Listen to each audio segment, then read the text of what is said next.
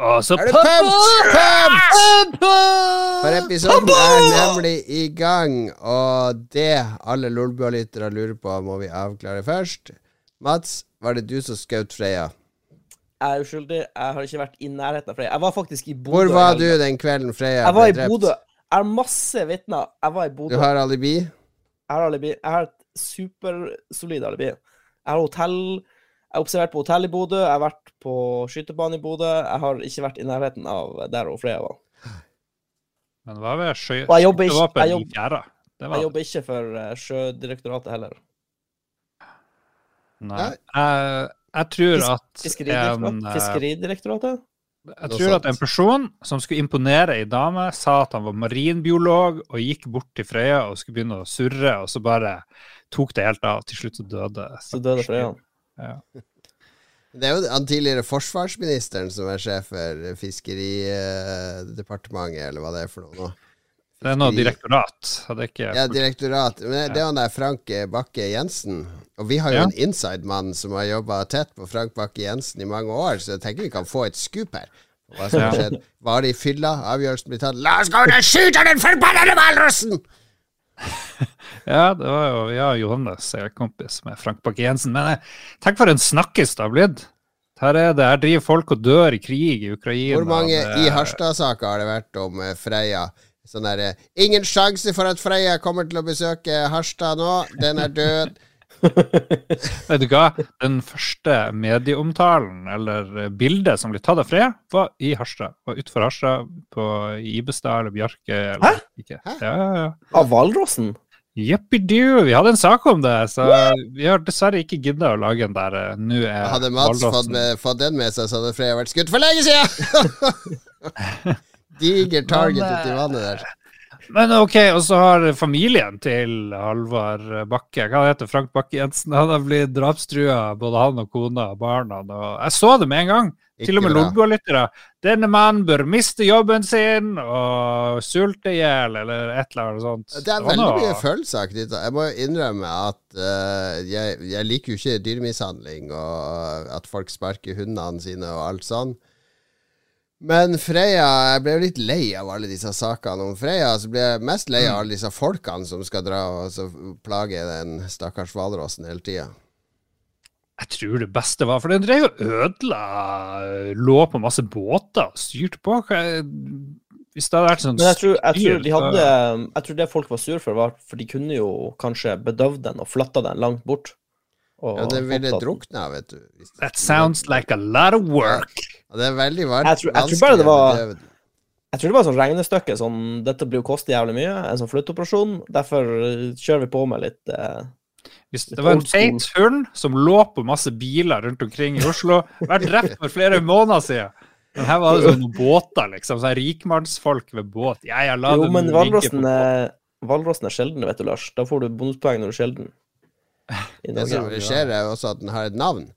Eh, ikke sant? Hvis du hadde gitt eh, alle musene i huset ditt navn, så kunne du ikke satt ut eh, fella og drept Mikke og Minni og, Mm. og de Hva- Hvalross eh, 84-73 flyr rundt i Oslofjorden og har ødelagt masse båter. Da er det lett å skyte den. Mm. Nei, men stakkars eh, Freya, det, jeg syns jo det var litt eh, dramatisk at de bare skøyt skøyt Ja, jeg trodde, jeg trodde de skulle flytte den. Altså bare ja, bedøve den og flytte den bort. Det er ikke en Disney-film, det er ikke Free Willy, det her, Mats. Det er real Jo, life. ha- er det ikke det de gjør med dyr som vanligvis forviller seg inn der de ikke hører hjemme?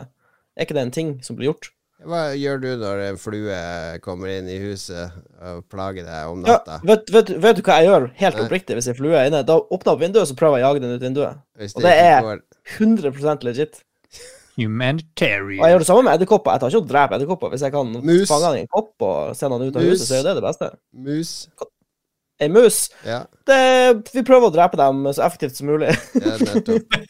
Mus og Men, altså, men, men vi, må skille mellom, vi må skille mellom å ha en musekoloni i huset ditt og ei flue så du kan jage ut vinduet. Det er to helt forskjellige ting. Det Neida, er vanskelig men å fange en, fange en musekoloni og få dem ut av huset. Det tror jeg ikke går. Det er voldsomt mye følelser. Så langt er det samla inn 150 000 for å få en statue av Freya opp her nede på Sørlandet et sted.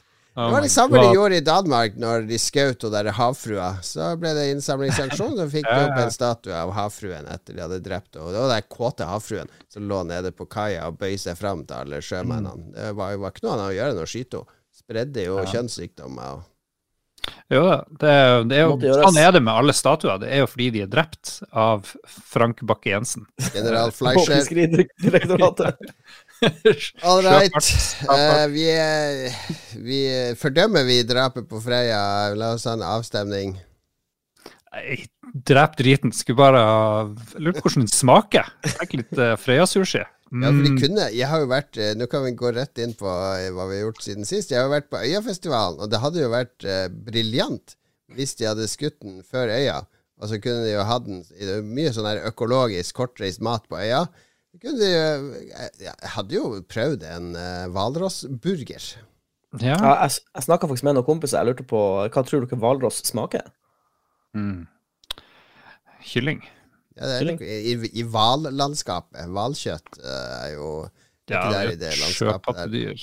Ja, nei, jeg vet ikke om man burde drepe det dyret. Det jeg aner ikke. Jeg har ikke vært i nærheten. Jeg vet ikke hva som Jeg har ja, Kanskje det gikk amok og begynte å angripe folk med de tennene sine. You never know. Ja, for det er det jeg tror Hvis, liksom, hvis hvalrossen blir sint og det er noen småbarn i nærheten, så tror jeg det fort har noen døde unger. Så det er vel kanskje det som også var en stor del av Ja, folk er sikkert lei av å høre om eh, Freya. Det er jo en Det mest positive med at de har drept den, er at det er mindre Freya i avisen. Jeg ble veldig lei av å se den der uh, hvalrossen. Men jo- vi, vi før vi forlater Freya, Lars, hvor mye er media skyld av dette? Hvis media ikke hadde dekket den forbanna hvalrossen i det hele tatt, så hadde den fått leve i fred. For da hadde ikke folk valfarta for å se den. Det er feil premiss. Schrødingers hvalross. Feil premiss fordi folket er pressen, og pressen er folket. Det er ikke noe skille der. Det er ett og samme folk. Fake news. Jeg var på Øyafestivalen. Jeg kan ta det først. Det har vært fire dager i strålende sol på Øyafestivalen. Eh, Det var eh, Det er eneste gang jeg har vært på Øya uten at det har regna minst én dag. Så det var jo en ny opplevelse. Men det var, var litt gøy å gå på festival igjen. Trangt. Masse folk. eh, Covid overalt, helt sikkert. Men nå Bryr dere dere om covid? Du var jo på der Tons of Rock. Du var jo nettopp på festival. Du er jo bare på festival. Ja, på Tons of Rock fikk jeg jo covid, så det ble jeg jo sjuk etterpå. Men uh. Tons of Rock er flatt på Ekebergsletta. Jeg likte ikke den så godt. Jeg slakta den. Øyafestivalen liker jeg mye bedre, fordi det er god variasjon i musikken. Det er mye lokale, norske band. Og så er det noen sånne internasjonale highlights. I år var det blant annet Gorillas. Litt uh, kjedelig live, syns jeg. Eh, det er fordi de to beste låtene med Gorillas er jo Clint Eastwood og den der Windmills fra første Ja. plata. Og begge de to er jo bra fordi han eh, fetteren til Ice Cube, han Delda Funky Homo Sapien, han var jo med å lage den første plata, så det er han som er rapperen på de to. Den derre Someone get me out of my cage altså, Han har alle de bra Bra partiene er jo han, mens Damon Albarn er bare litt på refrenget. med, I'm happy, I'm feeling glad again sunshine Så det, det er han rapperen som er det, og han har ikke vært med i Gorillas på 25 år.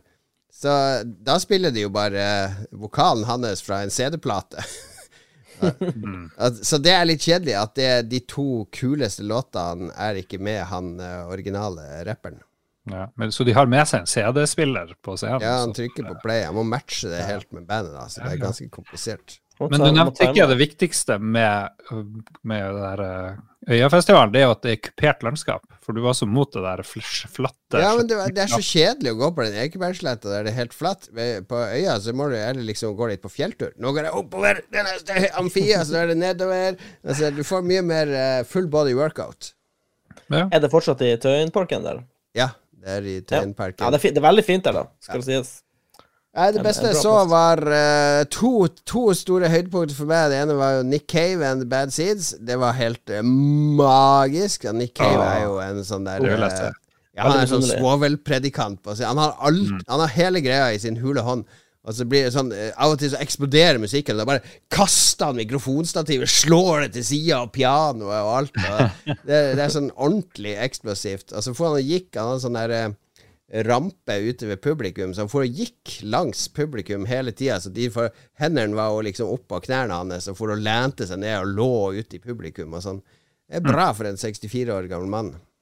Jeg vil gjerne jeg, Det kom på NRK, den der eh, konserten han hadde i Live in København, eller hva det var. Det var Ja. lenge på NRK. Utrolig bra. Så Ja, helt utrolig bra låter og stemme og alt. Og det andre er fremhever nytt norsk band. De har sånn 1000 avspillinger på Spotify eller noe sånt. De har, har vel kun fire låter eller noe sånt på Spotify. Der tre av de er demolåter. Eh, de heter Blodkvalt. Det er moderne norsk uh, black metal uh, med litt grindcore og doom-vibba. Eh, de spilte for en ganske liten crowd på en solfylt scene. Og det er ikke sånn black metal med liksminke og sånn. De ser bare mer ut som et hardcore-band. Men eh, herregud, så fett det var. Åh, det var så gøy i den eh, bakken. Den vokalisten han skriker perfekt. Det var bra riff, det var bra lyd, det var bra energi. Altså, den vokalisten driver hele tida når det er så lange instrumentalpartier, så går han ut blant publikum og starter moshpit. Selv om det var bare 40 stykk som torde å være foran scenen, så går han ut og så bare begynner han å dytte folk og hoppe rundt og, og skape masse energi. Og da blir det en sånn moshpit i noen minutter, og så, eh, og så tør ikke folk mer, for da går han opp på scenen mer. Jeg likte det veldig godt. Blodkvalt, sjekk det ut. Hvis det, blir, hvis det kommer noen Blodkvalt-konsert i nærheten av deg, så må du gå og se det. Rett og slett. Bloodquail. Mm. Mm. Ja, en kort ting til. Jeg har en lytter Mm. som har sendt meg spørsmål. Han skal gifte seg i juni neste år. Ah. Han har sendt meg spørsmål om jeg kan være DJ i bryllupet hans. Oi. Ja, Oh. ser. Altså, jeg er veldig Hey, du, hva jeg skal svare. du har fått en gig. Jon Cato. Hæ? Du har fått en gig. Ja, ja, ja, ja, men det er jo Det er bryllup... Da sier du bare ja, det blir 100 000, takk. Her er mitt kontonummer. Jeg kan ikke ta betalt fra en lytter, herregud. Hvorfor ikke det? Du er jo du er en professional. Ja, burde jeg, for det, det er jo en lørdag i, juni, det er greit. Det kan jeg frigjøre. Altså, det er ikke så langt eh, fra Oslo. Jeg kan kjøre dit sånn. Men uh, vil de eh, eh, Vil kona hans høre Prima noctis! ja, altså, jeg kan ikke Jeg orker ikke å være bryllups-DJ hvis det kommer sånn liste. Så må du huske at du må spille De derre, altså vi elsker Postgirobygget, altså skal vi da Det går ikke an. Det orker jeg ikke. Det tar jeg hele Big livet. Beat. Hva det blir for noe? Hva du ser Jeg må jo bare eh, spille sånne ting som jeg spiller på hytta. Altså Jeg må jo Ja, velge sjøl og spille sjøl. Og jeg orker ikke å spille sånn bryllup der folk kan Skal du spille det hele lenge? Da skal det komme noe Madonna eller noe sånn eh. Ja, nei, det ser Det må bare være kule folk på det bryllupet hvis det skal bli suksess, altså. Ja, han har sagt om jeg kan spille i to timer. Så da regner jeg Oh. med at de skal spille popmusikk etterpå. Men da er jo jeg sånn eh, innleid apekatt som kommer. Se her, det er jo Cato fra Lolbua. Ja, ja. Nei, men her må du bla litt bucks på bordet her, altså, for å overbevise Jon Cato. Sånn, Jeg snakker med kona mi, men eh, deres råd er altså å ta klekkelig betalt. ja, gjøre premissene klare, sånn som du sier, for det, du spiller ganske Det blir plutselig blir den der festen, Si at- den der sangen fra er- 30-tallet som ikke passer noen sted. Si at det er din vei i, i eller motorveien. Er det Ja, nettopp. Ja, det går ikke på Nei, det Ja. går. hyggelig lag. De, som lurer på hva vi prater om, bare søk på 'bryllup i N-byen' på Spotify, og da skriver du det N står for. Så finn, finner du en gammel norsk slager som ligger på Spotify, som er eh, ikke kunne blitt utgitt i dag. Nei, ikke i det hele tatt. Nei, men det, det har vært drømmen å få deg til å være DJ i bryllup, men jeg, jeg ser jo for meg at det, det er mange det folk er ditt bryllup, Lars, for du skal vel gifte deg snart. Og da, da orker ikke hvis det kommer sånn liste med Mari Boine og alt sånt som må spilles. Ja, nei, I don't care. Bare play it up. Ja, for jeg ser, du, det jo, du bør jo gifte deg snart. Det står, du har skrevet her at du har blitt eh, stefar. Ja, jeg er blitt kalt stefar uh, for Oi. første gang i mitt liv. Og så sier ungen, så jeg bare OK, ja vel, det er vel det. Og så var det hva jeg henta i SFO i dag. Å, se der er pappa, var noen som sa. Jeg bare Jesus. Ja vel. Ja, det, svarte du No, I'm the stepfather! I'm the stepfather! I, I, Protect protect, I protect this child! ja, jeg sa akkurat det med den stemmen. Nei, jeg sa ikke noe på det. Jeg bare ja, ja, her er jeg. Så ja, det er jo litt weird. litt weird Det, man kan liksom være far uten å ha gjort så mye for det. Plutselig får du en unge. Det er jo jomfru å være far, det du sier. Føler du at du har vært og bestilt noe på internett, og så har du plutselig blitt far? Ja. Det bare skjedde Du har plutselig. ut en, fulgt ut en kupong. Men føler du deg som en far eller stefar?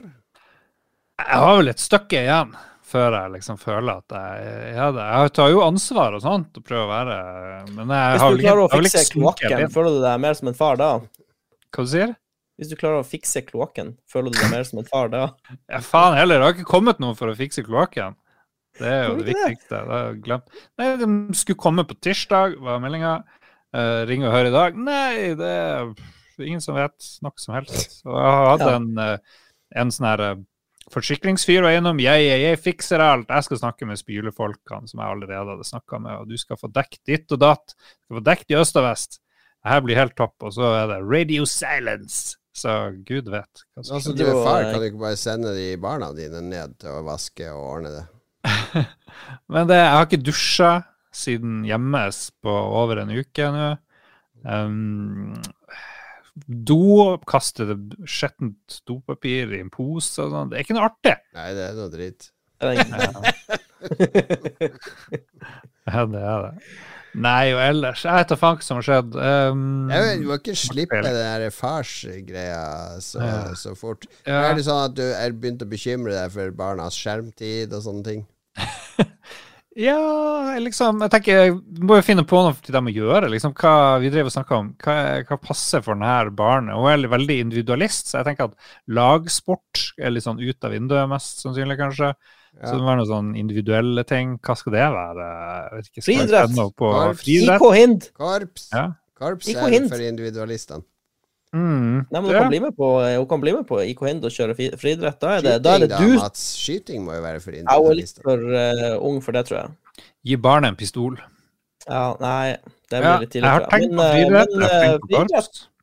friidrett er bra eh, individ... eh, For da har du Ja, da er det springing og kaste ting og eh, hoppe, orienteringsmiljø i Harstad. Uh, ja, orientering. Nå snakker vi jo like å springe. Um, hva med å bare begynne å sette opp på YouTube-greier og make some money? Jeg tror ikke YouTube er Jeg tror det er TikTok og sånn. Nei, men det er sånne eh, russiske folk som pusher ungene foran, og så tjener ja. de sinnssykt mye penger for at de lager sånne eh, ordnede videoer. Det tror jeg hun kunne gjort lett. OK? Dette blir en føljetong i, i Lolbua før det. Men kloakk, eh, stefar, er det bare sorgen?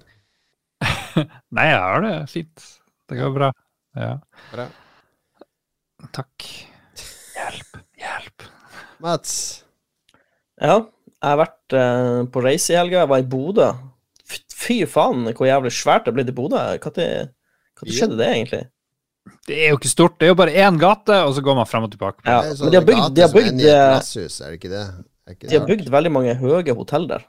Sånn skikkelig sånn Jeg bodde på eh, Quality Choice eh, Ramsalt, som var 13 Ramstein. etasje eller noe sånt. Det var helt eh, insane. Ja, det er helt nytt, for jeg skal bo der i neste uke. Eller? La, Ja, det er helt- det er dere helt om det her når dere ser på en eller annen dårlig film på Amazon Prime. Ikke foran eh, hele Norges befolkning Så sitter Ja, det, Hei, folk vil ha en update på Bodø, Ikke på du hotell, Quality Choice Hotel Ramsalt. eh, Hvordan er dusjen der? Var det rene håndklær og sånn? De, ingen bryr seg om det. Men jeg var, jeg var i Bodø for første gang. Jeg var der for første gang og skjøt eh, match pistol, med pistol. Og det gikk faktisk Jeg vant! Yeah, da! Jeg kom, på, jeg kom på Hvis du legger sammen alle divisjonene, så kommer jeg på andreplass. Men det ja. Jeg vil si jeg, var- jeg var fornøyd med det. mye. Første premie, du får lov å skyte Freya! Ja, Det som er litt eh, spennende, er at det var faktisk premiering. For det var Jaktepoet Jaktdepotet i Fauske sponsa premien, men jeg vet ikke hva jeg har vunnet. For jeg måtte bare kjøre hjem etter vi var Vunnet ferdige. en liten statue av Freya. Jeg håper, jeg håper det. Damn it. Ok. Jeg måtte det lite Jo, ja! Å, Ja. eh, det er en ting jeg Jo, jeg har en Mhm. ting til, faktisk. Ja. Det er en ting jeg, ting jeg har tenkt på, og det er noe jeg har lagt merke til, som er helt absurd uh, irriterende. Uh, og det er noe som går igjen i absolutt alle dokumentarer som er produsert etter 2020-2021, og det er Uansett om det er en enkeltstående dokumentarfilm på en og en halv time, eller om det er en hel sesong, så er det I starten av dokumentaren så oppsummerer de liksom greia. De, skal, de forklarer liksom hva alt handler om på sånn tre minutter, og så begynner dokumentaren. Hvorfor gjør de det? Jeg har jo satt den på for å se den. Jeg, skal, jeg trenger ikke en trailer for dokumentaren før jeg begynner å se dokumentaren. Og det, og det er helt sjukt. Det går igjen overalt. Det er bare, å det er bare å begynne, når du begynner å legge merke til det, så kommer du til å bli sykt det er helt, de har jo helt sikkert statistikk som sier at når det starter rolig, så er det 50% hopper av etter ti Ja, minutter. og de 50 er idioter som burde Ja, Hvorfor påvirke. kan ikke Netflix påvirke- differensiere klippen? De kan ha én klipp for de og én klipp for deg. Ja. De burde, algoritmene burde jo være så jeg ble, sterke. jeg ble så arg at jeg ble tørr i halsen. Men ja, det, er, det irriterer meg skikkelig. Hvorfor må Burde man ta sånn? en IQ-test hver gang man starter Ja! Fordi noen ganger er du full, noen ganger er du trøtt. For du har hele tida ulik IQ når du starter. Jeg jeg ser det i vanlige serier òg, så er det sånn når første episode er ferdig, Sandman har sånn eh, eh, eh, Later this season! Og så kommer det masse sånne klipp som hva som skal komme senere. Og så er jeg bare What the hell? Hvorfor skal jeg se det her? Jeg trenger ikke bli lokka til det, liksom. Nei. Hvis det er bra, så ser jeg det. Ja, ja. Nei, Sandman ja, Men det var, det var uansett bare en, ja. en, tre, det er en trend jeg har lagt merke til. Ja, det er en trend. Det er et eller annet Det er akkurat sånn spillbransjen for noen år siden. Da var det sånn her Å, herregud, bare 12% av de som kjøper spillene, fullfører de. Da må vi legge inn en masse greier i spillene som uh, gjør at du kan skippe over leveler og alt mulig, sånn at folk kommer til slutten. Det er ikke noe vits å bruke masse tid på å lage en kul eh, siste level i spillet hvis bare 12% er der. Nei, det er jo et lite poeng, da. Det er jo det. Ja, så lag spillet kortere, da, så kanskje noen faen gidder å spille igjennom. Det trenger ikke å være sånn 30 timers epos, din idiotutvikler. Jeg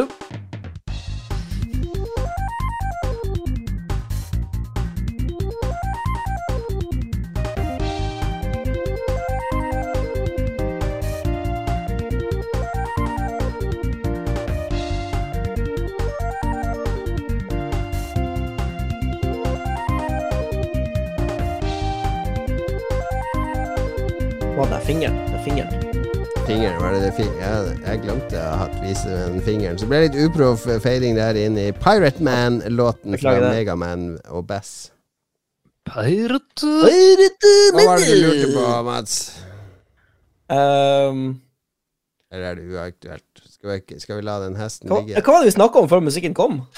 Det var de her dokumentarene og det her teaser later this season. Og, Jeg glemte av hva jeg skulle si. Og jeg tror lytter nå har glemt det. Nå må vi få gire opp her, fordi vi spiller jo spill, baby. Det er det det handler om, baby. Og vi er der for deg, baby, med spillene våre, baby. Og gir deg anbefalinger, baby, til nye og ferske spill du kan spille, baby.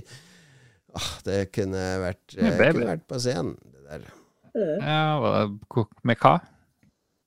Nei, en eller annen spillpoet. En, sa en sang. Ja. Spillpoeten, han er jo, det er jo en gammel spalte av det. Ja. Vi skulle, ha, vi skulle ha en spalte om alle spaltene vi hadde hatt, var det noen som foreslo. Ja. En metaspalte. Mm. Det kan vi, kan vi sikkert få til. Men spill siden sist. Uh, Lars har endelig fått prøvd Digimon Survive, som, uh, Yes! som lytterne har Yes! requesta. Det var jeg som requesta. Jeg skjønner ikke hvorfor det dukka opp, men ja. Jeg har brukt sånn ca. 500 kroner på Digimon Survive. For det, jeg spiller jo stort sett bare ting jeg får gratis, men uh, nå måtte jeg Ja. gjøre et unntak. Nå har du kjøpt uh, Digimon. Ja, men det er det jeg tenker. Nå har, Ja. du, nå har du investert i Digimon Survival, Lars. Fortell oss uh, om Ja. dette magiske spillet. Vet dere hva? Jeg hadde veldig bange anelser. Jeg tenkte det her er noe drit, fordi spillet er ikke optimalisert til noe next gen i det hele tatt, så det ser litt sånn shabby ut. Og så er det en visual novel kombinert med strategi, eh, sånn her eh, Final Fantasy Det er jo Tactics-aktig greier. Ja, men jeg er jo dypt, dypt inne i historien her, og evolva dyr fire ganger og sånt. Ja. Så, ja, ja, ja. Så jeg har spilt masse. Konge! Og så er det jo sånn relationship-greier. Det er sånn her du får hjerter, og du skal liksom bygge forhold til ulike karakterer. Men det er noe i hvert fall Du er i Japan, du er en 15-åring, og så er du på skoletur eh, ute i bushen ute i Japan, og så plutselig under en utflukt så, så havner man i en annen verden. eh, hvor den skolen du bor på, er plutselig sånn bare en shabby haug, og så er det masse monster rundt omkring. Så det er veldig farlig, og folk driver og besvimer for det er rare ting som skjer. Ja. Og så eneste som beskytter deg, det er sånne digg, sånn Pokémon-aktige Digimon-karakterer mot andre skumle Digimon-folk. Hva er forskjellen på en Digimon og en Pokémon? Jeg vet ikke, jeg har ikke peiling. Det er vel lagd Digimon ble vel lagd for å cashe inn, men var veldig Ja. suksess, da, virka det som. Ja da. Så, nei, det, det er helt topp. Ser som sagt ikke så veldig bra ut. Men har du liker faktisk spilt der, eller har du lest litt review i fem minutter før sendinga? Høres det ikke troverdig ut? eh, Det Ja, jeg sier. ja, Jeg har det- spilt. Hvilke dyr er det du har på ditt lag, liksom? Jeg har, eh, du kan samle inn så mange dyr du vil. Du har en sånn fem-seks sider med dyr hvor du kan ha plass Altså, i du velger liksom time teamet når det er fight, på en måte? Jeg, har, jeg tror jeg har syv eller åtte dyr. For det er noen som er kobla til karakteren din. som Hva heter favorittdyret ditt, da? Jeg husker ikke. Han Han, han, er- Hvordan ser han, du ut? Beskriv, beskriv dyret med ordene Det dine. er sånn politiintervju. Han heter sånn Tyrannomon. Han er en sånn uh, dinosaur, min uh, hoved... Det er sånn øgle. Digimon. Og han, når han evolver til level 3, i hvert fall, så heter han Tyrannomon. Alle okay. Digimonene heter Mon på slutten. Det høres litt ut som han spilte, faktisk. Snill eller ikke. Jeg har spilt masse. Ja, men bra, Lars. Jeg er stolt. Det, det minner litt om The Spirited Way, fordi du kommer liksom inn i skogen, og så er det en tunnel, og når du går inn i tunnelen, så liksom forandres hele verden. Det er jo litt sånn det er det Ja. Greia. Men det er noen spøkelser på den skolen som jeg driver og prater med. Uh, og så må du Det er, litt tregt, da. Det er det eneste. Det er vel, men du kan heldigvis sette på auto når det er sånn her dialog, for det er jo Ja. 1000 timer dialog. eh, Det er jo barnevennlig uttrykk er det når du spiller med dine nye barn. Nei, jeg har kun spilt uh, alene. Eh, barna har ikke tålmodighet til sånne eh, visual novels. Det er altfor trengt. hva tenker din eh, kone eller din samboer når du eh, sitter og spiller dette barnespillet alene? De var i Kautokeino i, på- i helga, så hele lørdag og søndag omtrent så satt jeg og spilte det her. Men jeg koste meg. Ja. Jeg må si eh, veldig hyggelige greier. Jeg er stolt av deg, Lars, så fremt det ikke er en løgn. Vi må, Lytterne må analysere det Lars sier her. Er det troverdig? Gjenspeiler det det faktisk er spillet? Kan han Pokémon? Så, så jeg er stolt av deg med forbehold. Ja, nei, det her er legit. Og jeg gir 5000 kroner til alle som klarer å bevise noe annet. Hell yeah.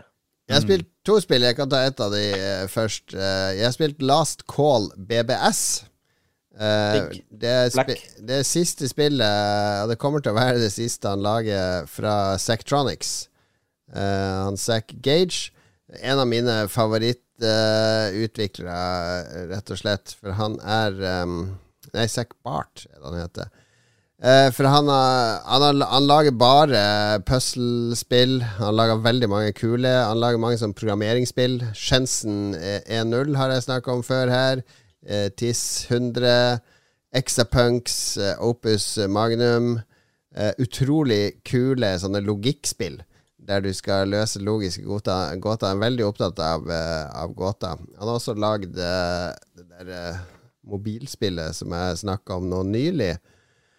Uh, som heter Jeg glemmer alltid hva det heter. Notwords. Mm. Så han er sånn puslemester, og nå har han pensjonert seg. Han er jo ikke 40 år ennå. Men uh, ja, Han er vel rundt 40. Men uh, han, er, han skal forlate spillbransjen. Spacecam Altså, han har sykt mange ikoniske, veldig, veldig populære uh, puslespill. Og Last Call BBS kreft? Eller Mm. hva, har han fått kreft? Hva er det som gjør at han bare skal endre livet sitt Jeg fullstendig? Jeg tror, tro at han har, han har fin, finansiell selvstendighet òg, sikkert, så Mm. Trenger ikke å jobbe. Lars, hvis du hadde hatt masse penger, hadde du gidda å jobbe da, liksom? Selvfølgelig, du må bli jo å jobbe med et eller annet. Han, De eh, skal bli, han skal bli lærer i computer science på en high school. Ja. Han har laga samme type spill nå i mange mange år, så nå skal han gjøre noe nytt. Ja Tøft. ok. Power til um, Zack. Men, men dette siste spillet som var Last Call BBS, det er sånn stort kjærlighetsbrev til eh, liksom tidlig er 80-tallet og modema og det miljøet som var da. Fordi hele spillet er liksom at du har funnet en sånn gammel eh, datamaskin med modem som du kan bute opp, og koble deg på en kjempegammel BBS, og så kan du laste ned eh, fem-seks spill som ligger på den, og hver av de er sånn frittstående puslespill. Så det er en sånn sudoku eh, Picross-variant her, som er ganske finurlig. Det er en sånn eh, samlebåndslinjespill der du skal bygge samlebånd og programmere maskiner som, som putter mat på de, og riktig mat i forhold til bestillinger. Så det er flere ulike sånne spill innen ulike sjangre som du hele tida spiller på denne retromaskinen. Så han lager veldig sånn kul ramme til det. Uh, så jeg, jeg, ble sittende overraskende mange timer en kveld og, og klare sånne dungeons i den der uh, sudoku-varianten som er der. Og så er det solitaire-variant der, og det er som en, en datamaskin, en gammel retromaskin som du har funnet på loftet og børster støv av, og testet de spillene som kom på den. Mm. Mm.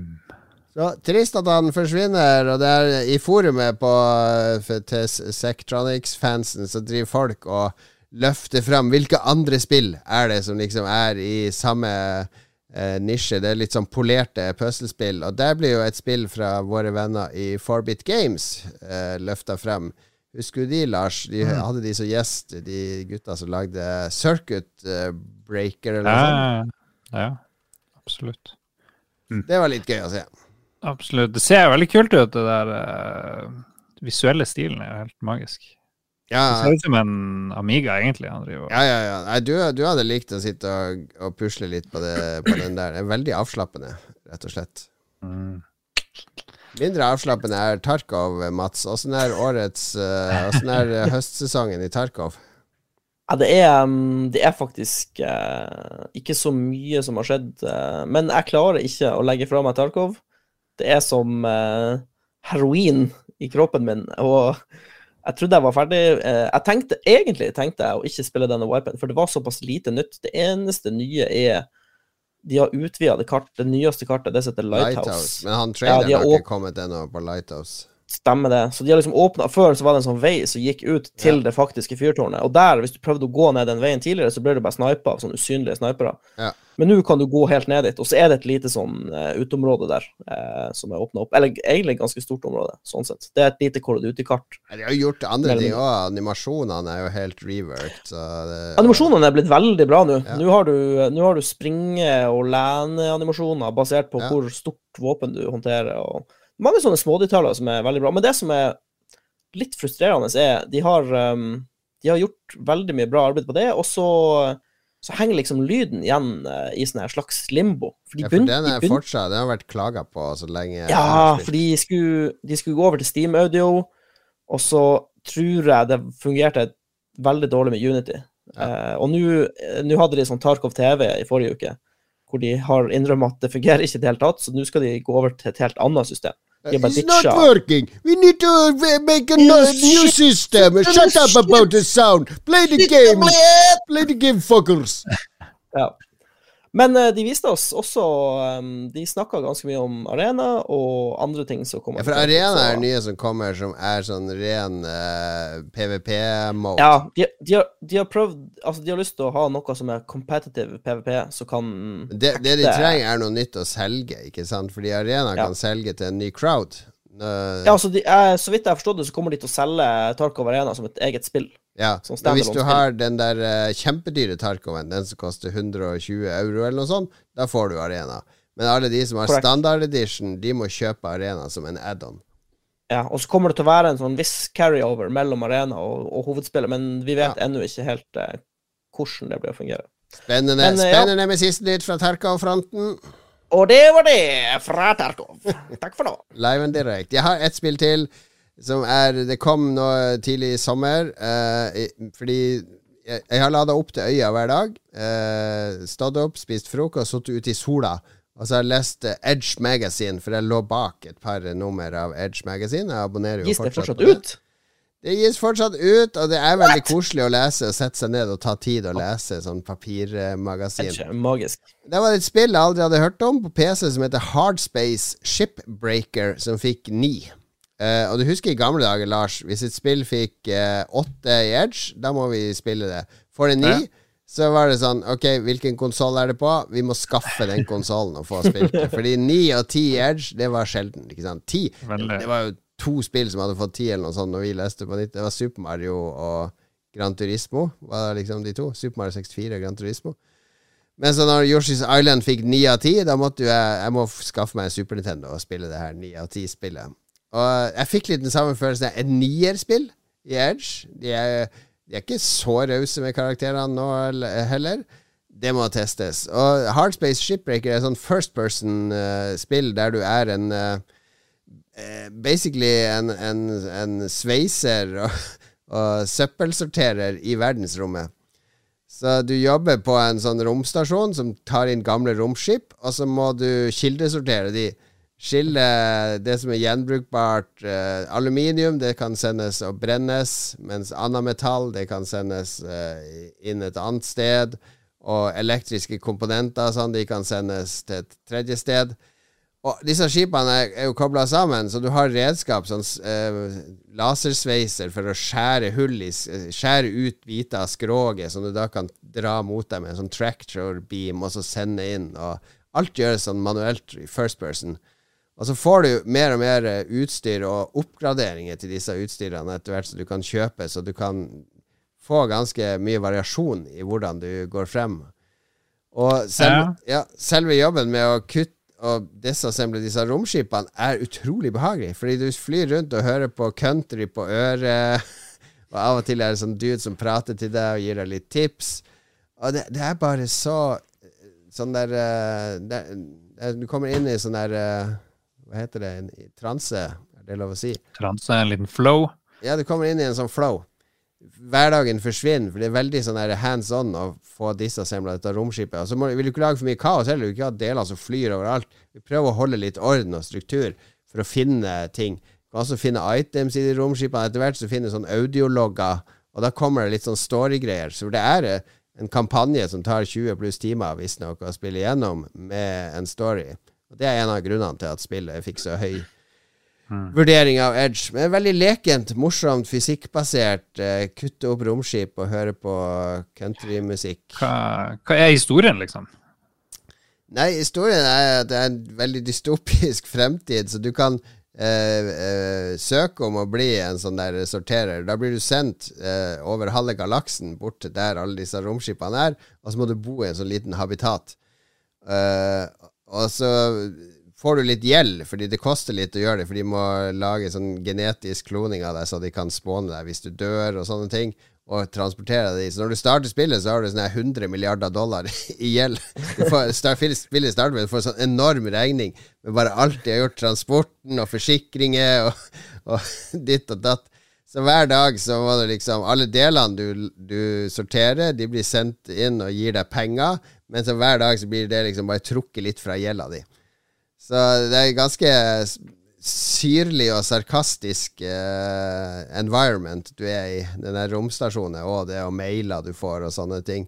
Uh, hver morgen vekkes du av en sånn der positive corporate message og, sånn. Så det er, det er, en artig, artig spillverden. Men storyen er bare at du er, du er en slave der oppe. Og eh, så, så utvikler storyen seg etter hvert, da.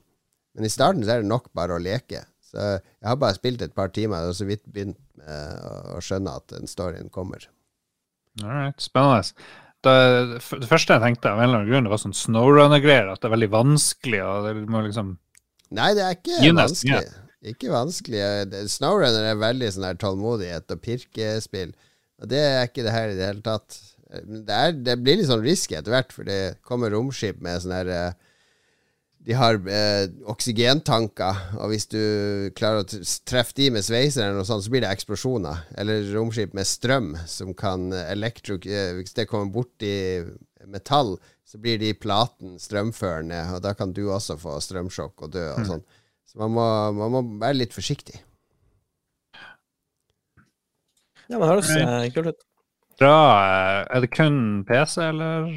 Tror det. Jeg har vært ute i Early Access en stund, så ble det fullansert nå i mai. Så jeg mener at det er kun PC. Det kan spilles med kontroller. Hard mm. Space Shipbreaker heter det. Er på Steam. 97% likte dette videospillet, står det på Google. Uh, ikke noe konsoll foreløpig. Beklager for det.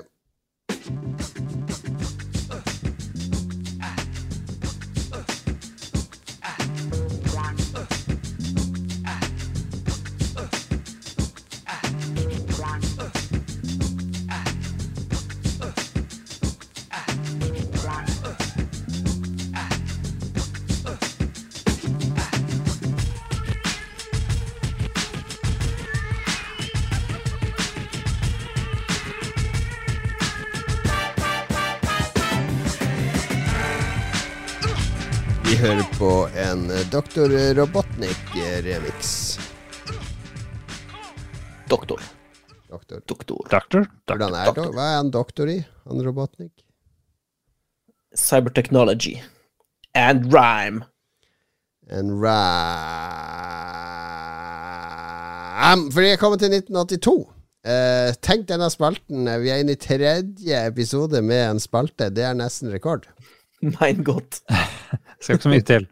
Vi starta i 1980, fant ut at det eh, beste spillet i 1980 var Rogue. Den kan vi stå inne for. Beste spillet i Yes. 1981 var Ultima. Jeg lasta ned Ultima. Jeg kjøpte det på Good Old Games, en sånn Ultima 1-7 Collection, for 60 spenn eller noe sånt. Lasta det ned og testa, for jeg tenker nå har vi kåra det til beste spillet, så det, eh, det, det gikk an å spille. Jeg har spilt det litt, faktisk. Jeg, jeg, jeg tror ikke på dere. Det her skal streames, og det skal vises Streamer ræva di. Jeg skal streame hele det. velge. Ja, du burde streame hvert spill som vi velger. Det hadde blitt eh, Da hadde vi blitt Twitch affiliate. 0, niks. Men Ja. det var Det er litt in, innfløkt og in, Og eh, vanskelig Drit. å spille med dagens uh, det du er vant til i dag, da. Men det, det var faktisk gikk an å spille, og det er gøy å se alle ideene som ligger der, og som har spredd seg andre veien. Jeg gruer meg til hva som blir årets spill i 1982 allerede. Ja, 1982 er jo et fantastisk år, da. Herregud, det, det er jo eh, Skal vi se hva som skjedde i 1982. Husker du det? Eh, Pave Johannes Paul ga sterk støtte Reagan til de uavhengige polske fagorganisasjonene. Ja, Reagan ble vel innsatt. Uh, USAs militærattaché i Paris blir skutt ned og drept. Å, han Honduras Åssi Osborn spiste den der flaggermusa. Falklandskrigen 1982. Falklandskrigen! Oh yes. Uh, Iran-Irak. Og tydeligvis veldig lite som spennende som skjedde i 1982. Statskupp i Øvre Volta. Ingen som bryr seg. Korsikansk separatist er jo bare tull. Spilldatamaskinen Commodore 64 lanseres. Sovjet-russiske romsonden Venera 13 og 14 lander på Venus. Her, nå snakker vi! Hva skjedde med Russland og space? Det er jo bare tull. To kvinnelige løytnanter er de første kvinner som uteksamineres fra krigsskolen. Det var starten på the downfall of Norway. Jeg vil se om det var noen kjendiser som ble født i 82. Uh, uh, Det er utrolig dårlig. dårlig podkast. La oss heller gå til det vi skal snakke om, som er de beste spillene. Fordi metoden vi har, er at hver av oss velger ut det vi mener er de tre beste. Fordi det blir etter hvert så mange spill at det nytter jo ikke å snakke om de 100 beste spillene det året. Vi skal fram til det ene. Og Da må vi, vi skrelle det ned til noen få vi kan diskutere. Og mitt første som jeg har med, det ser jeg du også har med, Mats, det er Dig Ja. Dug. Jeg måtte ta det med.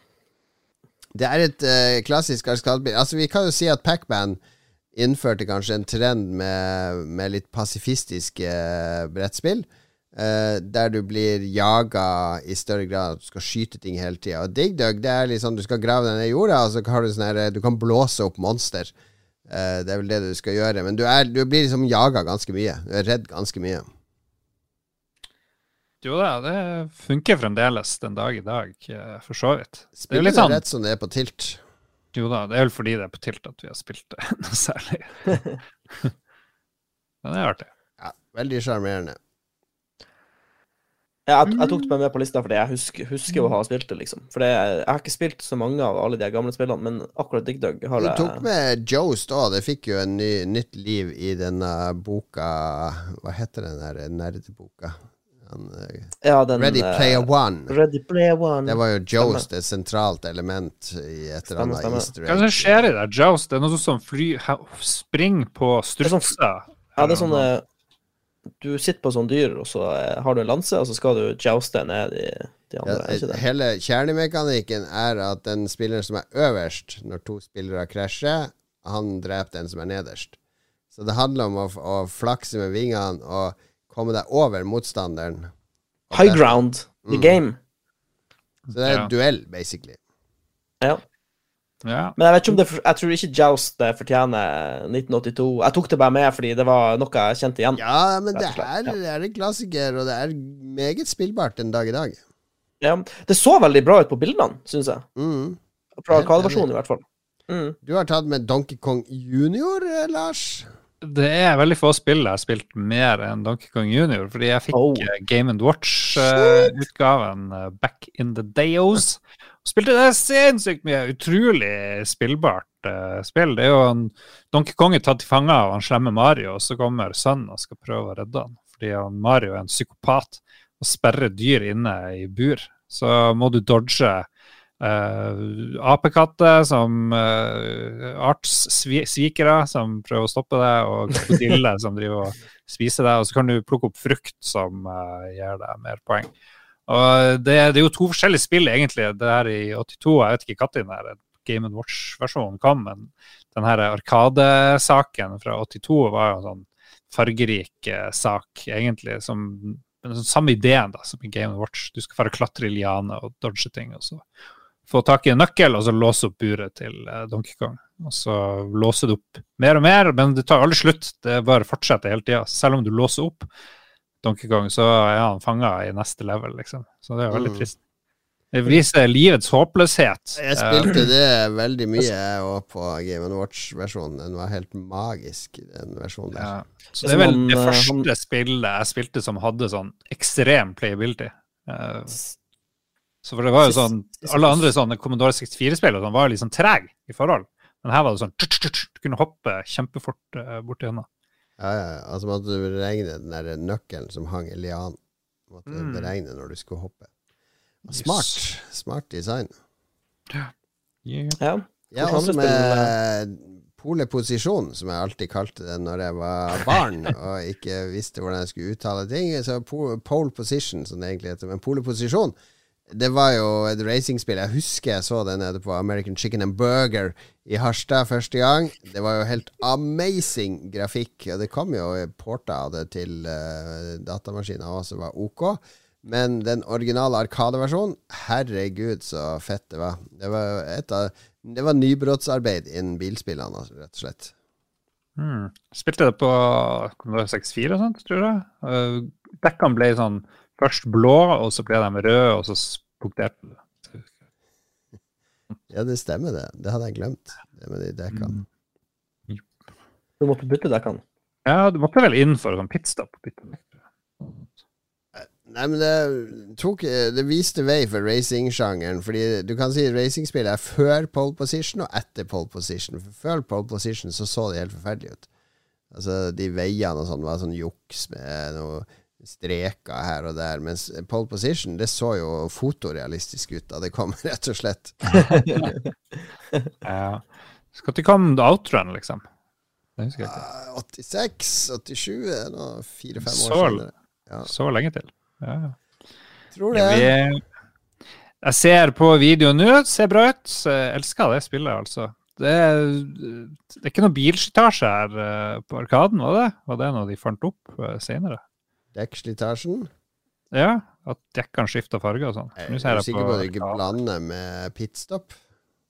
Pitstop. Kanskje jeg blander med pitstop. Ja. Pole position, ja, ok.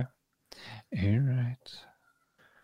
Bra. Nå blir du korrigert av Christian. For han har nemlig korrigert meg sist, for jeg våga å si at uh, i, i um, uh, Til Donkey prinsesse. Kong så var det Peach, men det var jo selvfølgelig Pauline, så det er bra at Christian følger med. Pauline, Pauline Ja, ja, ja. Ja, det var pitstop. eh, Det var jo tusen ganger bedre. Eh, Men den kom jo du tre- All vil du right. trekke tilbake all skryten til Paul Position? Pole position var bra, altså. Men du har med et spill som er en, som en av verdens største flopper, Lars. Ja, Ja. Tok med ET. Dette var jo et spill som ble gravd ned i hull rundt omkring i Ja, det er jo en ny legende. Du har aldri spilt ET, da? Aldri spilt det, men det er jo eh, Vi har jo etablert at det er viktighet og, og sånne ting. Det er, og vi etablerer, det er de beste som vinner. Nei, det er ikke spillbarhet, i, i- hvert Det er de I beste. tid Så det er her får dere tilbake i feisen.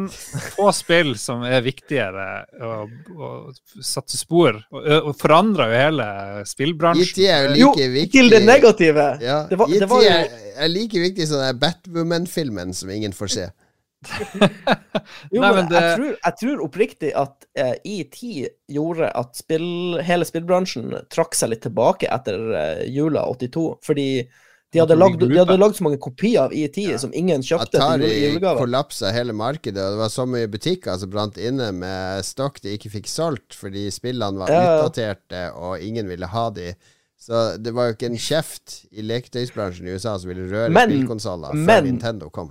Men jeg liker, jeg liker konseptet at vi gir ET 1982 det beste spill bare for Nei, nei, vi er ikke helt der ennå. Vi, vi har flere spill. Vi har flere spill. Du har et spill igjen, uh, Mats.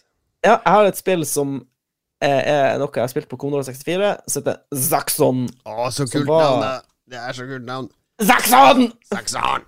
Du, du har vunnet når du bare kaller spillet ditt det.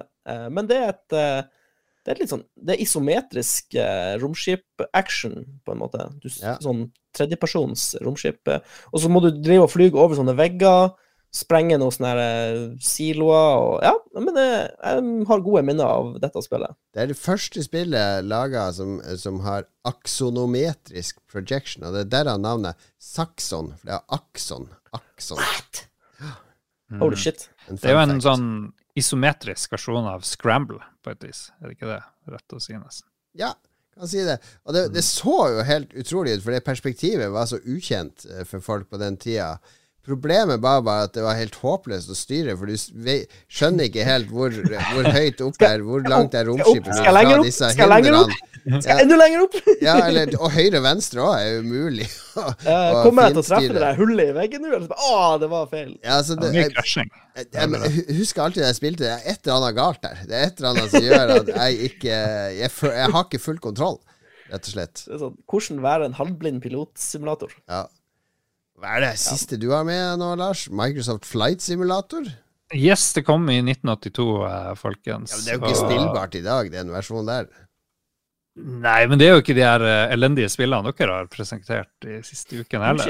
Så, eh, så det satte jo spor og fødte jo en hel sjanger. Det var det første, et av de første sånne IBM eh, Microsoft-spillene. For de ville vise se hvor mye bedre en ny PC enn den her Apple 2. Så bare kom de og gruste med den her Cessna-flyet ditt. Du kunne fly rundt omkring og bare chille. Og til og med folk som hadde flylappen, syntes jo at det her var ganske realistisk. Og en hel generasjon med gamle menn som sitter på rommet sitt med yokes og nå enn det ikke heter, var født pga. på grunn av det her, spillet. Og vi har jo alle spilt mye flysimulator på en eller annen gang i tida, enten det var Ja. F-19 Stealthfighter eller hva enn det var. Så det er jo en flott sjanger eh, som Jo da, det var et bra er- startskudd. Ja. Det skal da. Det skal da. Veldig viktig. Akkurat som de her Du argumenterer godt, uh, Lars. Jeg kjøper argumentet ditt. ja, ja. Ja, bra. God, godt forberedt for en gangs skyld. For da, jeg, jeg må innrømme, jeg var inne jobba en hel dag. Masse å gjøre på jobb.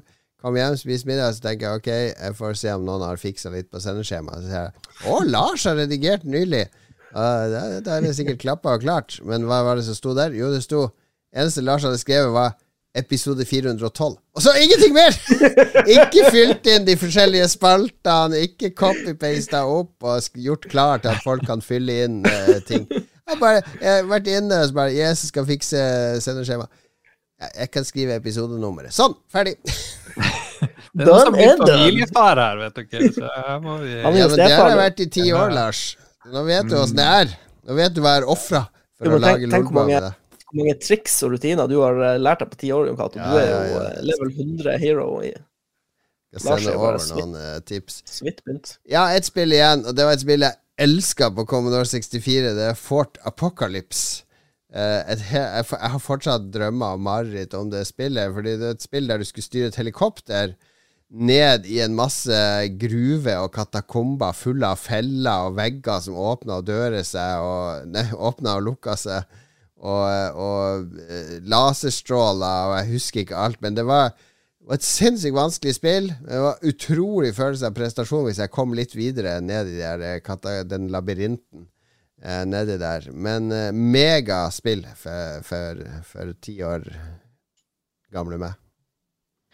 Jeg ser på, ser på Jeg tror ikke jeg har spilt det her. Det ser veldig vanskelig ut. Du spilte vel Fort Apocalypse, eh, Lars?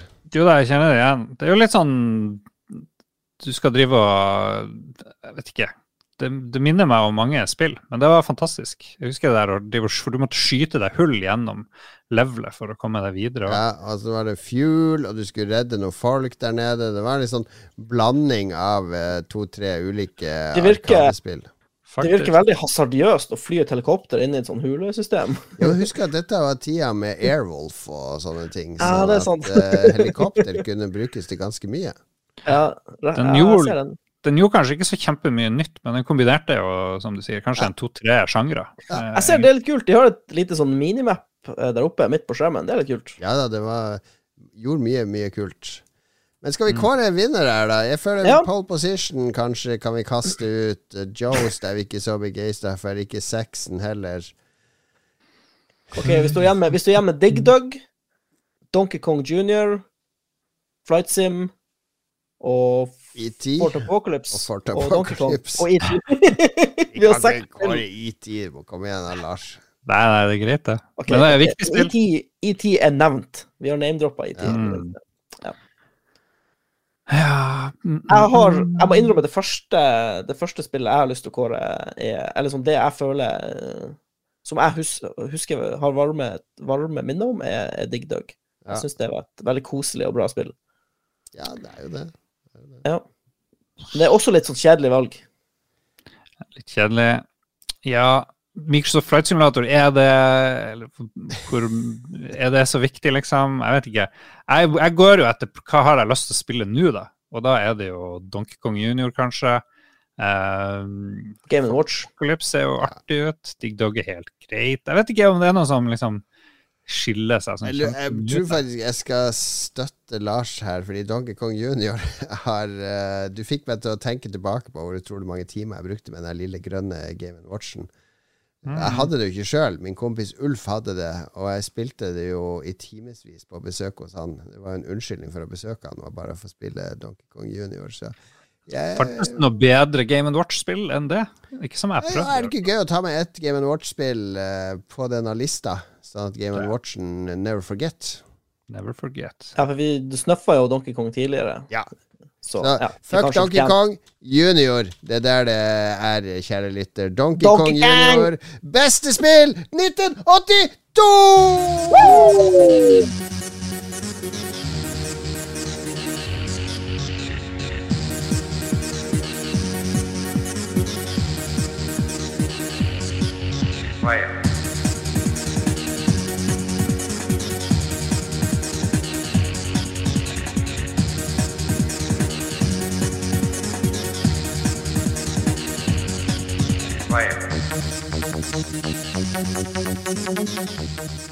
Det er musikk fra Tempest 2000 fra Jeff Minter. Jeg kan jo nevne om at jeg lot være å ta med Attack of the Mutant Camels på 1982 Oi. nominerte, for det kom i 82. Ja. Til Commodore 64, eller hvor kom den? Det kom på 64 i 82. Jeg skal, jeg skal vi for, for, altså nå, for Vi går jo gjerne på Wikipedia, og så ser vi 1982 in video games. Mm. Den er veldig sånn amerikansk fokusert. Men du må også gå på Lemon 64. Og så kan du filtrere ut alle Commodore 64-spill som kom i 82 eller 83. Så kan du finne noen highlights der òg. For Wikipedia driter i Commodore 64.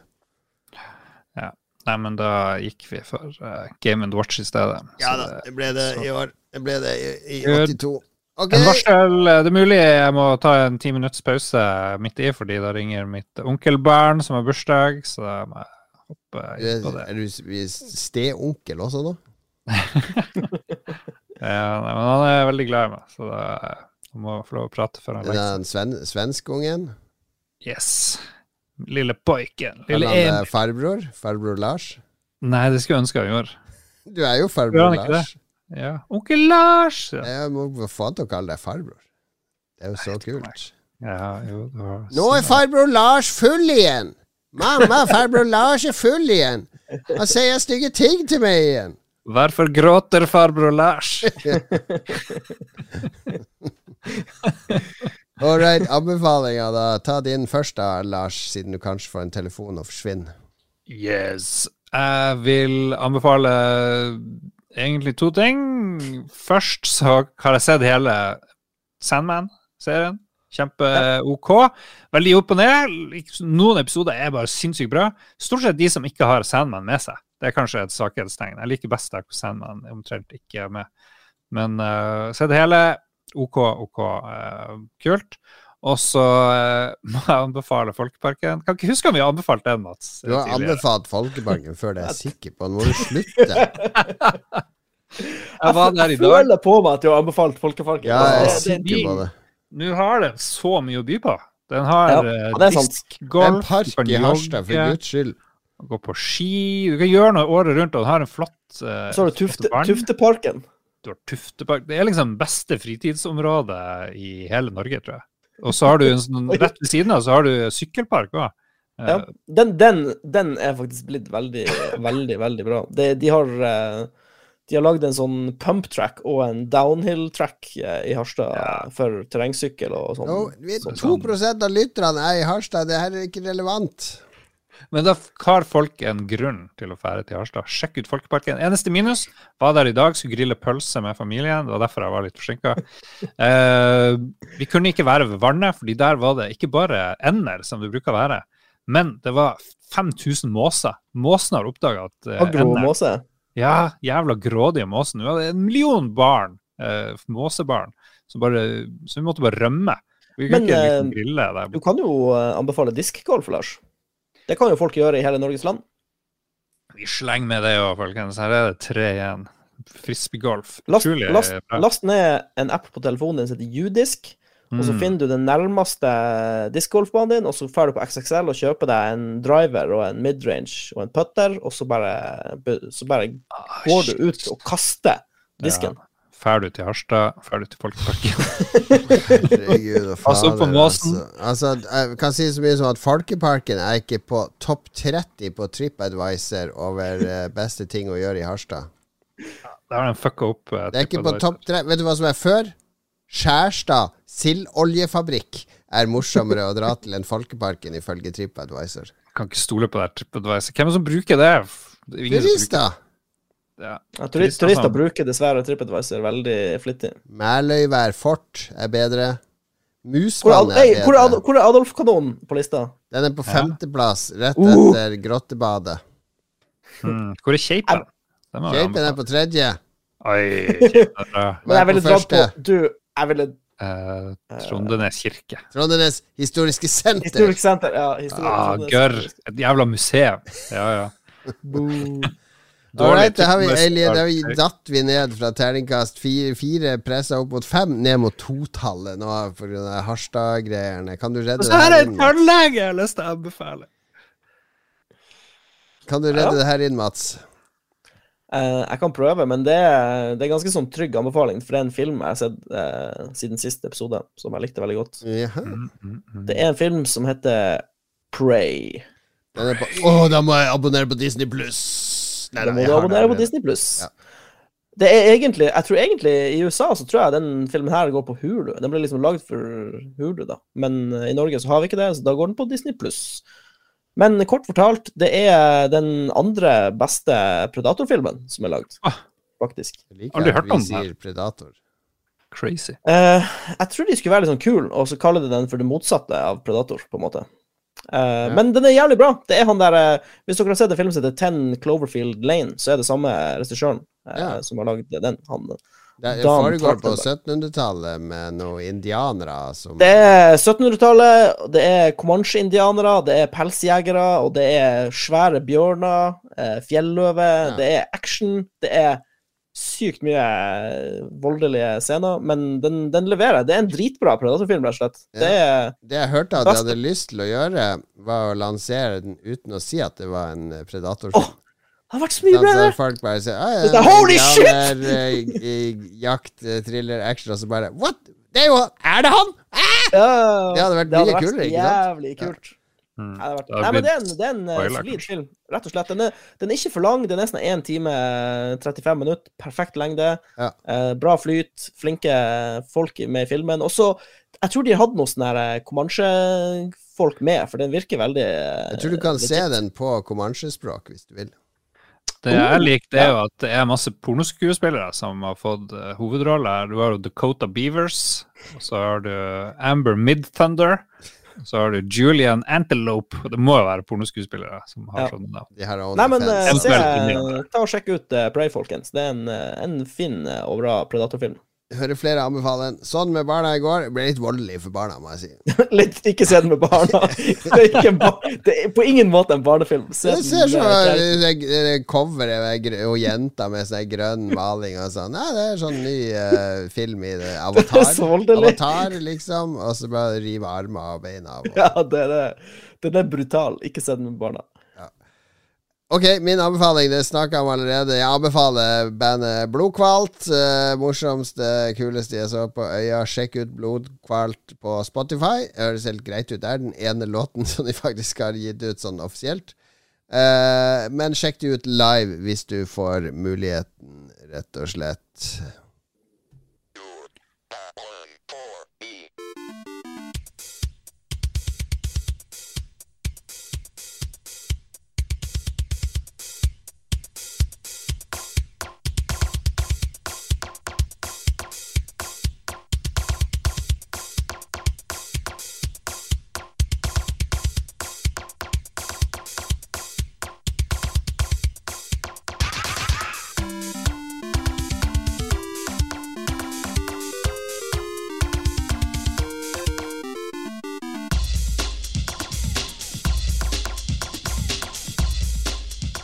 Hørte du hva det var, Lars?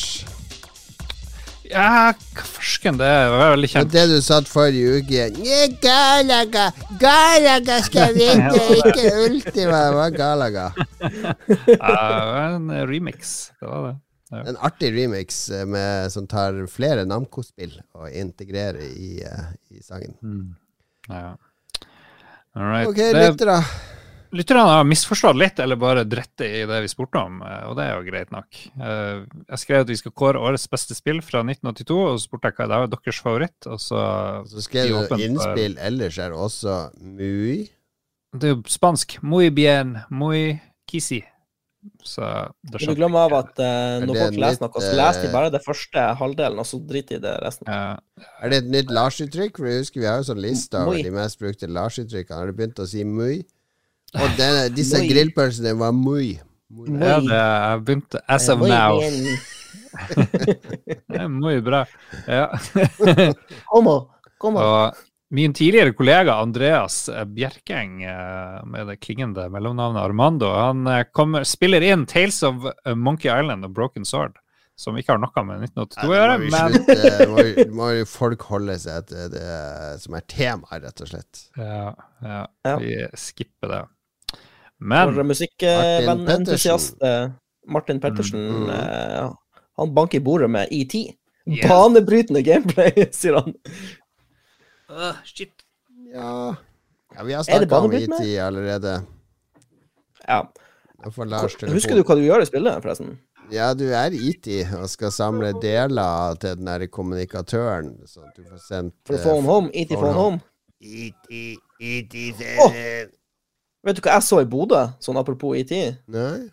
Og sånn gigasvær uh, maletaggesak eh, på Du vet noen ganger når de river en sånn bygård, Ja. så ender det opp med en sånn svær fasade på nabobygget som er liksom naken. Ja, ja, ja. Så, hadde- de malt eller tagga, jeg er litt usikker, en sånn, et sånn troll. Det er et Mm. fjelltroll, men det ligner, det ser ut som ET. Det ser ut som en sånn giga-ET-troll. Jeg skulle ta bilde av det, men jeg glemte det av. Hvis noen Hva er greia med å putte IT i sånne veggmalerier og sånn? Fordi vi har i Oslo òg. så eh, rett over veien, for der en kompis bor, på en skole, så har de tegna en sjiraff. Malt en sjiraff, og det er sånn åtte-ti meter høy sjiraff. Oh, Der hodet Kanskje- til sjiraffen er IT. Kanskje det samme crewet? Ja, kanskje det er en greie? Kanskje det er sånn ET-crew som flyr rundt i Norges land og tegner? Det er ikke umulig. Hvis, hvis lyttere vet noe om det her, er det, er det flere sånn er et fenomen. IT-vegg-murals rundt omkring i Norge, si fra. Ja, vi, vi trenger å vite om det her. Vi trenger å vite om det. Lolbua tar IT på alvor. Og vi tok ikke det spillet på alvor. Det ble ikke kåret til årets beste. Sorry, Martin. Jonas sier at han vet ikke. Og Det er jo Ærlig svar. Ærlig svar. Vel, Se på ærlig. profilbildet. Han er ikke gammel, han Jonas, så det er ikke rart han ikke har spilt spill fra 82. Han eh, Tom Wilhelm Ødegaard sier Gro. Gro? Gro. Det beste spillet fra 1982. Ja, det er Er mulig spill? han tenker på den beste statsministeren i 1982, som var Gro Harlem Brundtland, men uh, spillet Gro har jeg ikke hørt om. Gro Game 1982. Skal vi se hva som dukker opp her. Var det noe som heter Gru, kanskje? Basert på eh, den barba... Altså tegneserien Ja, til Sergio. Aragones? Nei. Tviler. Men eh, takk for forsøket, Tom Wilhelm. Christian Chesem, eh, pole position. Første bilspill jeg prøvde, dog et par år senere på et Arcade standup-kabinett på Bakken tivoli i Køben. Ja. Ja, og Heldigvis er vi en uh, oppvakt lytter av Rune, som påpeker at Dyrehavsbakken ligger i Klampeborg, ikke København. Forbannede m- moron, Christian! Der får du for å korrigere Pauline og Peach. ja. Right back at you. Uh, Magnus Eide Sandstad, Pacman er fasit. Ja, det kunne vi ha kåra det i dette året, fordi Pac-Man, Miss Pac-Man kom jo i 1982. Og Miss Pac-Man er det mest Ah. distribuerte arkadekabinettet i Nord-Amerika. Uh, Ja. Det var egentlig en mod. Uh, noen, jeg tror det var noen MIT-studenter som tok ut kretskortene og begynte å koble, Hva skjer hvis vi kobler på litt sånn egne ting og reroute disse tingene her? Og så klarte de å gjøre Pac-Man om til en dame, og litt, endre litt på Ja, den sløyf, sløyfa. Ja, ja, ja. Og så solgte de disse modene da til folk som hadde Pac-Man-kabinettene. Og så oppdaga jo Namco dette. Og så var Namco var kule i 82, ikke sant? Tenk, tenk hvis eh, Microsoft hadde oppdaga noe sånt her, eller Nintendo, nå i år. Det går, der er det shutdown med en gang. Men- Litigation. Litigation. ja, Namco heller. Kult at dere har gjort det her. Kanskje vi kan kjøpe Miss Pac-Man, eh, hele greia fra dere, og distribuere det offisielt i stedet. Faen, det er, det er kudos. Kudos til, Raust. kudos til dem. Raust. Eh, vi går videre her. Han eh, Kurt, Kurt, Kurt Arne Strømmen, han vil nominere Pitfall Ja, til eh, 1982. Det var ikke, var ikke på vår rad. Var det i 82? Det er jo et, Acti, et av de første Activision-spillene. Det var hvor du skulle fære hoppe over de hullene i bakken. Ja, du styrer Indiana Jones Indiana Jones-spillet. Du styrer helten Ja, det kom jo i 82. Du styrer helten eh, Pitfall Harry, tror jeg han het. Eh, veldig inspirert av Indiana Jones. Og Ja. eh, Activision ble jo starta av utbrytere fra Atari. For de var misfornøyd med at vi får ikke noe cred. Altså Det liksom, står bare akkurat som Walt Disney sine tegneserier, alle laga av Walt Disney. De ville ha navnet sitt i spillene. De ville eh, lage Hadde høyere ambisjonsnivå. Så David Crane og flere andre slutta i Atari, og så starta de Activision. Og Pitfall var et av de første spillene de lagde, og det var et veldig fett spill. Eh, Ja. kul, kul sånn der eh, En story som liksom unfolder seg fra scene til scene. Ulike ting du må gjøre, ulike hindre du må navigere. Elsker de her, eh, noen av de gamle Atari 2600-coverne. De er så kule. Ja, de er fine. Jeg har en eh, 2600 artbook i hylla bak her, som jeg av og til ja. i når jeg drikker whisky. Ser, ser så sykt koselig ut. Da vil han ombestemme seg, for nå har han funnet ut etter litt googling at det må bli burger time. Burger Time. Husker du det? Ok.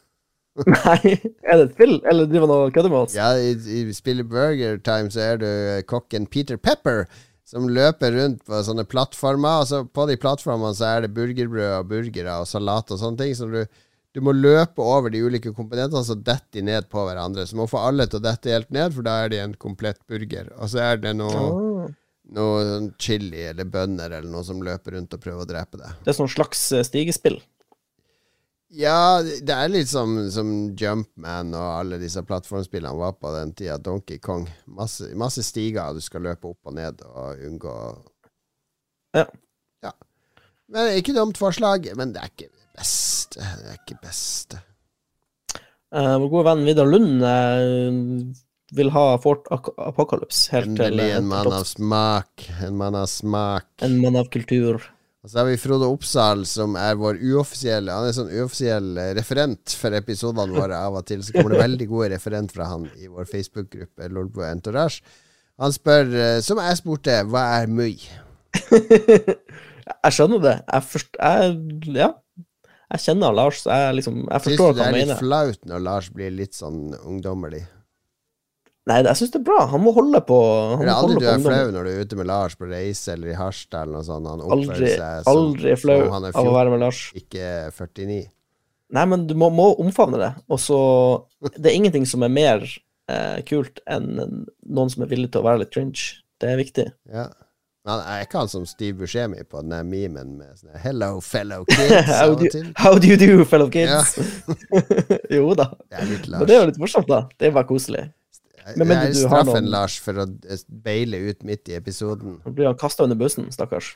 Ja, ja, ja. Først måtte vi utsette et kvarter for han skulle grille pølse i en park. Og det får være grenser for familie, altså. Han er onkel og stefar, vet du. Det er er det hardkjør. Er ikke lett for farbror Lars. Robert Carstensen, Donkey Kong og Donkey Kong Junior på Gamewatch og Dig Dug på Arcade. Der er en mann av vår smak. Ja. Han har skjønt det, han Robert. Spot on, spot on. Frode Eh, Oppsal er ikke Oppsal- ferdig. Nei. Nei. han kommer med mer. Han sier at det beste med 1982 er at det er 40 år siden. Ja. Eh, Så sier han Saxon, pole position og Ku- Kubert. Uttales det Kubert, eller er det noe mer avansert enn Nei, Kubert. Ja, Kubert. Det er fra han barndomsminner. Han vet ikke om de spillene vekker varme følelser. Tror faktisk han hater dem. Må Ja. google litt mer.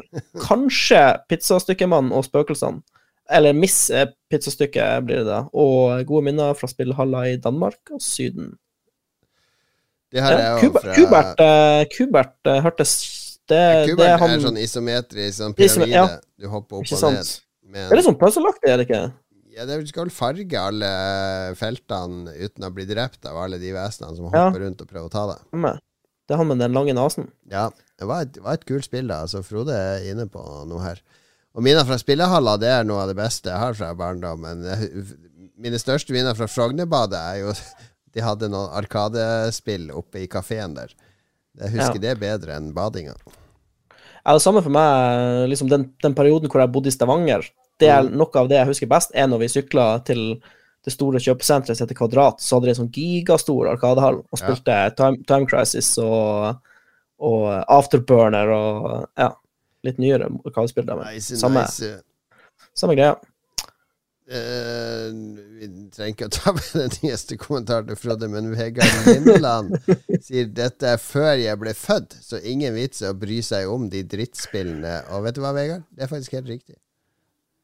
Men denne Ja. spalten skal vare lenge, så snart kommer vi til året du ble født. Ja, og og du, da altså, Jon Cato, du aner ikke hvor jeg gleder meg til vi kommer til 90-tallet, for da er det liksom ting jeg levde og pusta og var Ja, ja, sykt ja. inni. Og da blir det temperatur når vi skal begynne å krangle om hva oh, som er det beste spillet. Det kommer til å bli så vanskelig! Kosti Eriksen, vår gode venn, Saxon, uten tvil. Det ble mange timer med det. Og er frustrerende, men det er, det er kult altså. Jeg må innrømme Men jeg ser for meg Kosti eh, Han kan så mye om fly og sånn, så jeg tipper han ble Han forsto vektorer og høyde og alt med Mm. liksom Jeg tipper han fløy gjennom de veggene der uten å svette en gang. For å være flygeleder så må du ha et sånn isometrisk syn. Jeg tror det, faktisk. Kristoffer Getto Boys Hansen uh, vil ha opp uh, Monkey Island. Fikk ikke spilt det før rundt 15 år etter. Ja. Men det er fordi spillet kom ut tre år før han er født. Ellers ønsker han mer snakk om Sea of Thieves på generell basis. Er det mye sånn sabotering? Jeg tror de er sendt av Rage Rage ja. har ikke de hatt eh, sommerferie i to år? Jo, de er jo på ferie nå. Ja.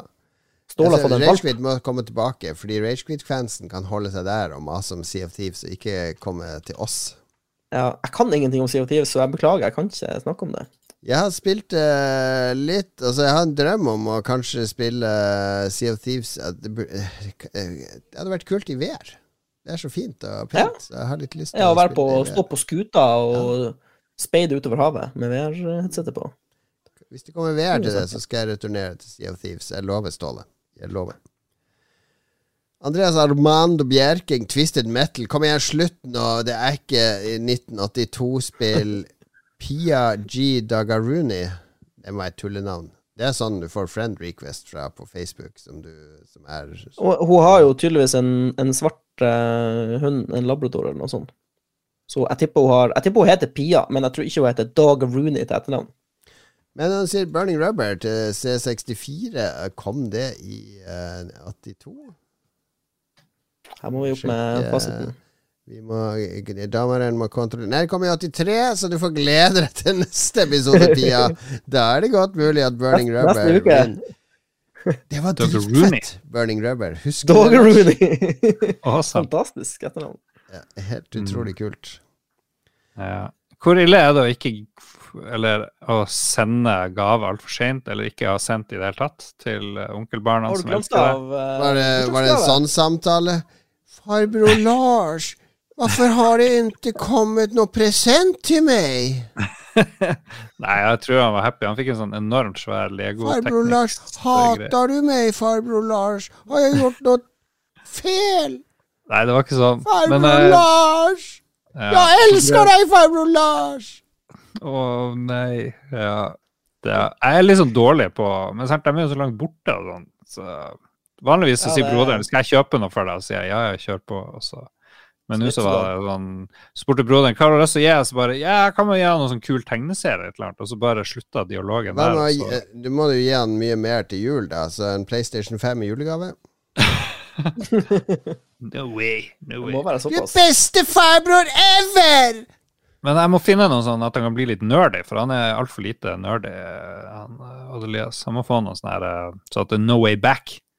Ja. han Kjøp er- med Gi han den nye blodkvalt-epen. Den er gitt ut fysisk. Gud, for et dårlig.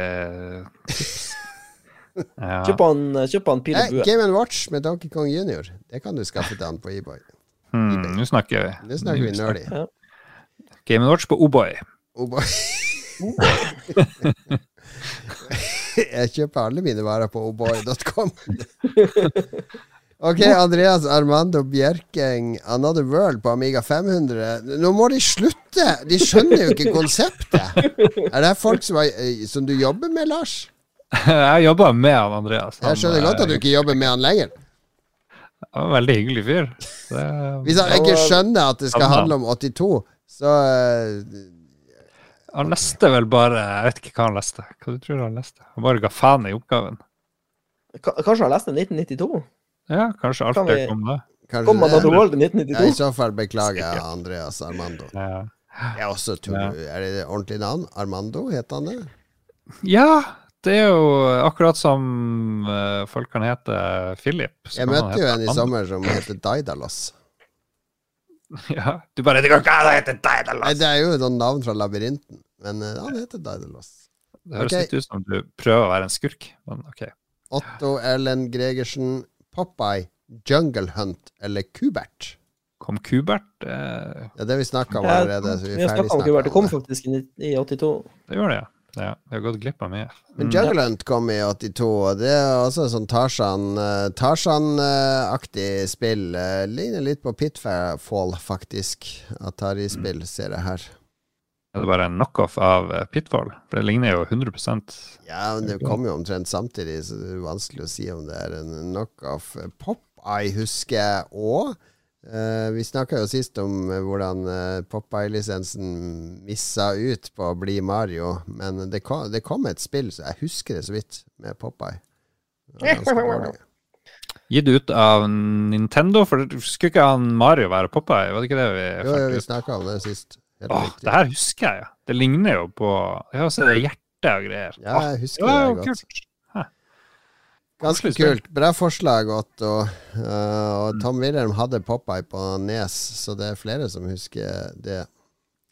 De der Popeye-folkene, De de visste sikkert De hadde sikkert sagt nei, det, drit i dette spillet, så ble det Mario. Vi har «Ah, vårt eget spill under utvikling, Ja. så bare ta det dritet der, mister Miyamoto! Miyamoto, fuck you! Angrer Det var akkurat sånn det skjedde. Ja. Mm. Han eh, Alexander Gosling, som ikke er i slekt med Ryan, eller er han det? Jo, han er jo det. Studerte ved var Harriot Watt University. Han er jo broren til Alexander. Ikke les om alt som står på uh, Han, uh, han, vil, Sorry! han, vil, han vil trekke frem Vic Invaders til Vic 20. Oh. Spilte det masse i 82. Prøvde det igjen i sommer, og ikke like bra som man husker. Jeg tror det er en trend. For, Det er jo Space Invaders-klone, Ja. så jeg tror vi kan forbigå den i stillhet, rett og slett, uh, Alexander? Uh, jeg spilte Defender på VIC 20. Det funka veldig bra der òg, faktisk. husker jeg. Men det var jo ikke helt det samme som Commodore. Ikke helt det samme, og der kommer avslutningsmusikken. Det betyr at nok en episode mm. er ferdig. Og jeg liker den spalten her ja. år for år. Jeg, jeg, å, jeg gleder meg sånn til vi kommer til 90-tallet. Ja, ja, ja. 2020. Å, herregud. Ja. Fra 2015 og utover så er det jo bare Sea of Thieves, Sea of Thieves, Sea of Thieves. Det blir veldig lett. Og så Beat Saber. Det er Beat Saber ett år inni der en plass. Beat Saber. Ja, du fikk et år, det. Vi må takke våre produsenter, de må vi takke som uh, for Popeye ville takka de.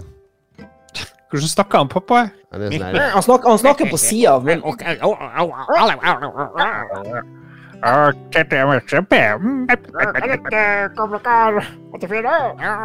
Dette er Tok Jarlsberg.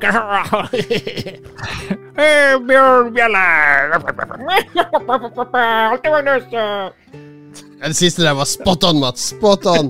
Og denne episoden var kanskje ikke spot on, men den var Hvis jeg prøver å stikke fingeren inn i et rumpehull, så treffer jeg liksom rett til sida.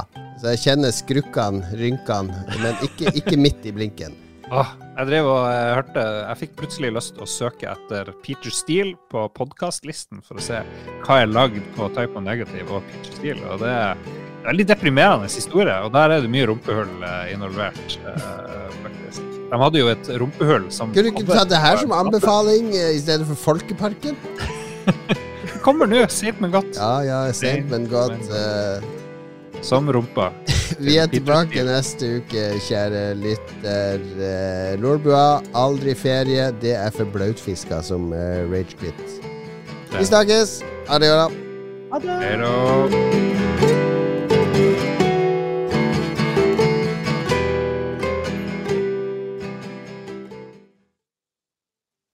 Har du et enkeltpersonforetak eller en liten bedrift? Da er du sikkert lei av å høre meg snakke om hvor enkelt det er med kvitteringer og bilag i fiken, så vi eh, gir oss her, vi. Fordi vi liker enkelt. Fiken superenkelt regnskap.